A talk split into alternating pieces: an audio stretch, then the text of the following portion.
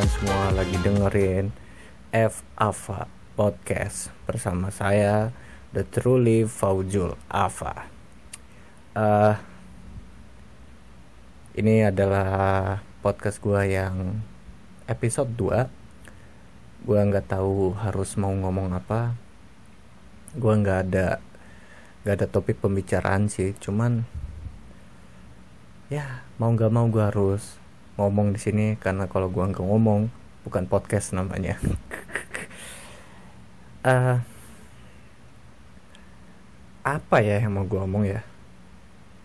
Oh ya kemarin itu ada temen yang kebetulan nanya dia uh, bertanya dengan pertanyaan yang menurut gue uh, kayaknya masa muda tuh nggak usah nanya-nanya yang kayak gitu. Jadi teman gue nanya tentang masa depan dan usaha. Kebetulan teman gue adalah sama kayak gue pekarya cuman banyak yang lupa kalau kita tuh berkarya bukan karena uang gitu. Kita berkarya justru karena kita ingin berkarya aja dengan kepuasan hati. Jadi jangan terlalu fokus dengan ke uang Oke, gue tahu berkarya itu membutuhkan uang supaya lu hidup di dalamnya, supaya karya-karya lu bisa hidup di dalamnya. Karena gue gue menyadari akan hal itu. Karena gue juga udah pernah bikin karya-karya kayak karya film, podcast sebelumnya gue udah pernah, gue udah pernah bikin lagu, musik. Tapi kalau memang tidak ada uh, sesuatu yang berbenefit di dalam karya itu memang sedikit bikin kita down kayak uh, kita bikin karya kayak contoh contoh lagu deh uh, lagu. Lagu kita buat lagu dan kita termotivasi karena mikirnya itu adalah passion kita. Tapi setelah kita bikin lagu karyanya uh, tidak berbenefit. Nggak ada uang di dalamnya gitu. Susah aja. Jadi nggak ada yang motivasi sehingga karya-karya selanjutnya yang lu buat tidak ada passion di dalam tidak ada gairah di dalamnya. Karena nggak ada uang di dalamnya. Jadi akan akan mulai timbul perasaan-perasaan di mana uh, ngapain sih gue bikin-bikin kayak gini bikin-bikin kayak gini juga gak ada uangnya. Terus motivasinya apa gue bikin kayak gini? Uh, komplain-komplain juga gak banyak terus yang denger itu itu aja. Ya kayak gitu gitu memang berkarya itu berat sih tapi banyak yang lupa kalau berkarya itu harus dari hati. Gue ngomong kayak gini berkarya itu harus hati. Apakah gue sendiri seidealisme itu? Kayaknya enggak deh. Gue nggak seidealisme itu. Gue juga butuh uang. Karya-karya gue membutuhkan uang di dalamnya supaya karya-karya gue bisa hidup selanjutnya. Oke okay? Yang harus dipahami itu harusnya masa depan itu ditentukan oleh usaha dan doa. Kalau mau berkarya itu ya lu bikin aja planning gitu. Karena kalau lu mau usaha terus ada di selingi di selingi doa ya kan berhasil lah.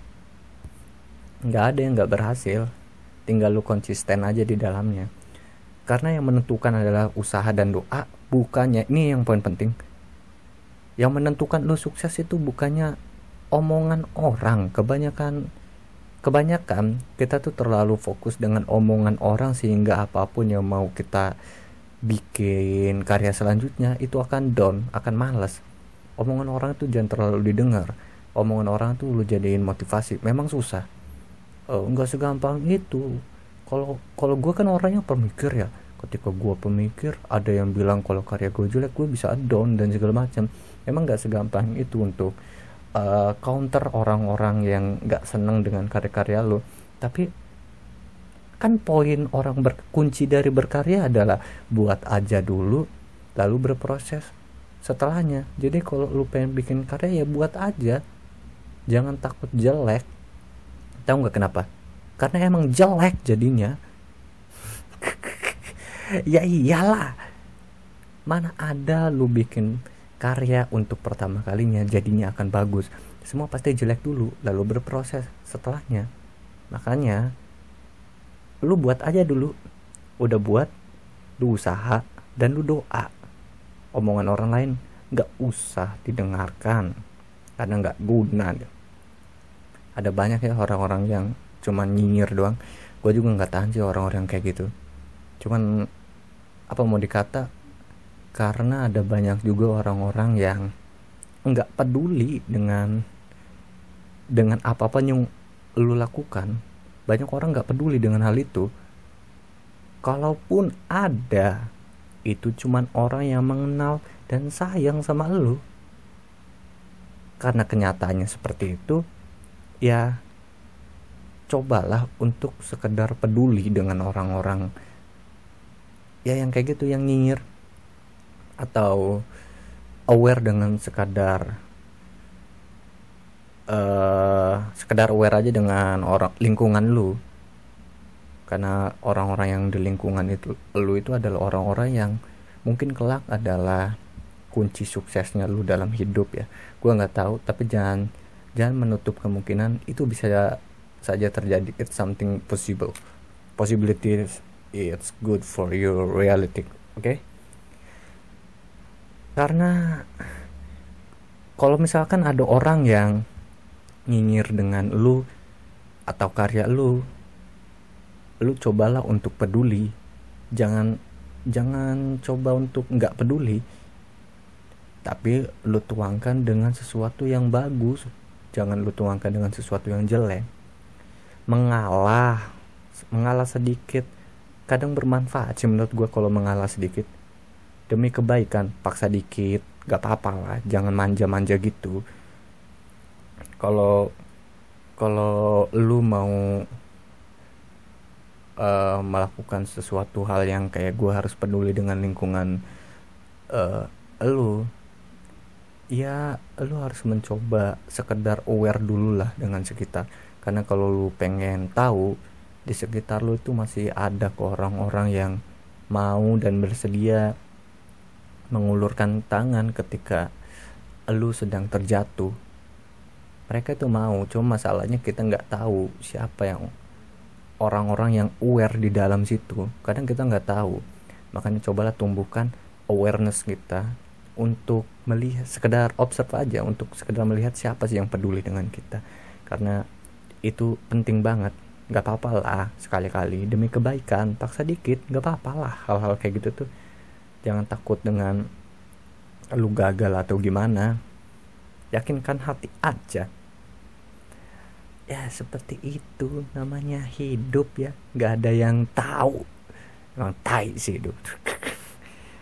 Uh, kan gue udah kasih tahu ya kalau gue tuh bikin podcast akan berisikan konten-konten di mana isinya adalah ideologi pandangan pandangan gue ideologi gue dan keresahan gue. Kalau lu bilang uh, apakah gue curhat di sini? Ya bisa jadi curhat.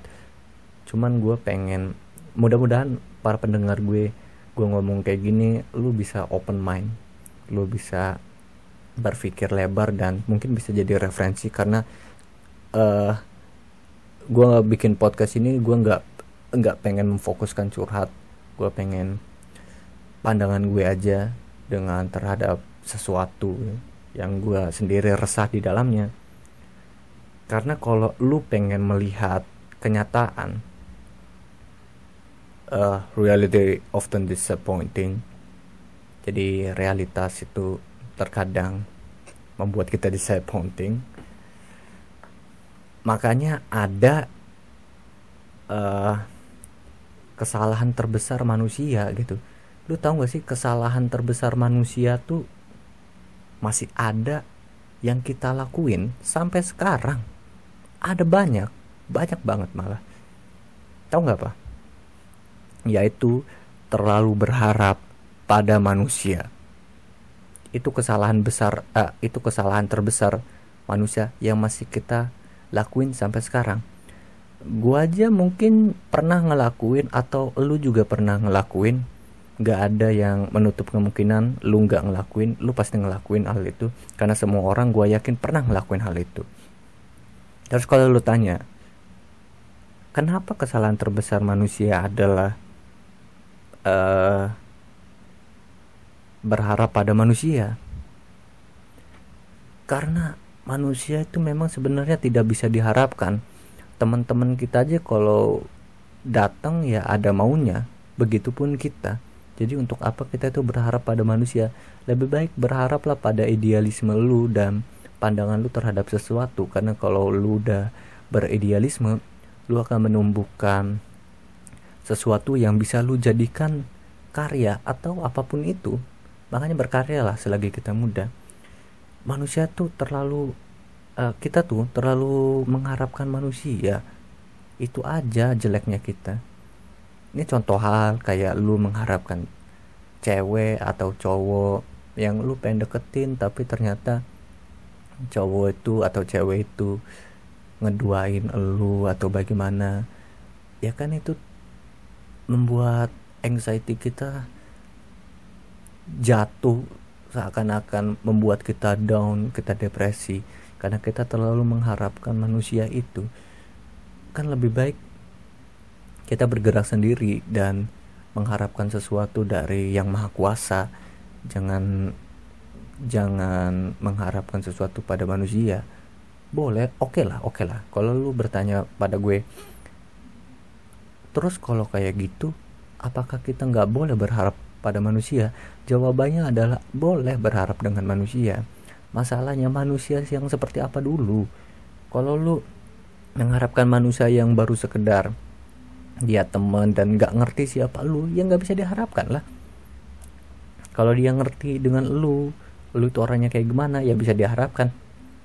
Tapi kan masalah yang utama adalah lu belum tentu menemukan orang-orang kayak gitu makanya udah nggak usah terlalu berharap lah dengan manusia keeping move on manusia itu harus belajar move on memang kekuatan yang paling beratnya adalah kita tidak bisa lupa dengan hal-hal itu nggak mungkin lu lupa dengan sesuatu karena manusia akan selalu mengingat dua hal. Satu, sesuatu yang baik. Yang kedua, sesuatu yang buruk. Jadi kalau itu memang sesuatu yang buruk, pasti akan melekat di dalam hati. Ketika sudah melekat di dalam hati, melupakannya bagaimana? Gak akan bisa kita melupakan hal itu. Akan selalu teringat. Oke, oke lah. Mungkin suatu saat lu akan uh, lu akan lupa tapi balik lagi mungkin suatu hari uh, itu akan uh, melupakan sesuatu hal yang buruk itu. Hal buruk itu nanti akan tumbuh. Nanti suatu saat akan tumbuh tapi dalam bentuk penyesalan kebetul uh, selanjutnya. Nanti hal buruk itu akan tumbuh dengan penyesalan. Lu akan selalu dihantui oleh penyesalan lu karena lu merasa gagal. Manusia itu tidak bisa hidup uh, dengan kegagalannya akan selalu ingat manusia itu. Itu sih kita karena selalu mengingat uh, seberapa buruknya diri kita sehingga kita terlalu berharap pada manusia. Padahal nggak baik juga berharap-harap kayak gitu. Udahlah keeping move on guys. Ya mungkin mungkin uh, podcast gue podcast gue mungkin lebih keren kayak motivator atau gimana gitu. Gue nggak mau bikin podcast yang isinya masa gue ngeliat Spotify isinya podcast tentang horor-horor nyeritain tentang pocong nyeritain tentang kuntilanak apa coba? Gue nggak kayak gitu. Gue nggak kayak gitu. Pasaran gue adalah membuka para pendengar gue supaya open mind selalu terbuka dalam suatu hal. Itu adalah pasaran gue oke balik lagi ke topik. Terus kalau lu tanya seandainya nih gue salah disengaja ataupun enggak terus gimana? Well that's a that's a choice. I told you that's a choice. The key is segeralah tersadar dan memaafkan diri sendiri. Mungkin akan ada beberapa orang yang sangat sulit untuk menyadarkan dirinya sendiri. Dan itu akan membutuhkan suatu proses. Biasanya orang akan tersadar ketika digampar oleh sesuatu realita. Biasanya realita realita often disappointing digampar oleh realita baru sadar oh yang gue lakuin ini salah. Biasanya sebelum masuk uh, siklus selanjutnya orang ini jatuhnya bisa bangkit bisa depresi bisa stres. Ya depresi stres gitu lah. Dan dari bisa bangkit sama stres ini lebih banyak yang terjadinya adalah stres. Banyak yang terjadi hal-hal yang gue stres karena gue nggak bisa uh, menyadari akan kesalahan gue. Akhirnya gue stres. Itu banyak sekali. Bahkan gue pun sendi uh, gue sendiri pun mengalami hal itu. Tapi that's a siklus guys. Jadi uh, don't be afraid about that uh, about that something like you don't you, can resolve that just believe it. Percaya aja lu bisa buat mengatasi hal itu. Percaya aja dulu. Lalu masuk masuk ke tahap selanjutnya yaitu memaafkan diri sendiri. Ini yang paling berat. Ketika menyadari sesuatu kalau lu itu melakukan hal yang salah memaafkan diri sendiri itu adalah suatu hal yang membutuhkan power. Uh, jika jika lu mempunyai keinginan besar lu harus mengorbankan sesuatu yang besar. Dan yang paling utama adalah merelakan. Tapi dalam merelakan itu harus diselipkan oleh memaafkan diri sendiri. Jangan terlalu menyalahkan diri sendiri kalau lu melakukan sesuatu hal yang menurut lu salah. Jangan lu pikirkan hal itu. Boleh lalu pikirin, karena nggak mungkin lu nggak mikirin hal kayak gitu. Tapi tetap intinya adalah asalkan lu tersadar dan lu ingin memperbaiki karakter lu agar lu lebih baik, ya it's okay tapi yang paling besar adalah memaafkan diri sendiri uh, maafkanlah saja diri kalian yang dulu pernah melakukan hal-hal yang salah. Anjing gue ngomong kayak gini kayak paling bener sendiri itu bangsat ya mak. Ah gak kerasa sudah hampir 18 menit ya gue ngomong kayak gini. Ya itu saja yang mau gue omongin. Uh, semoga lu seneng. See you guys.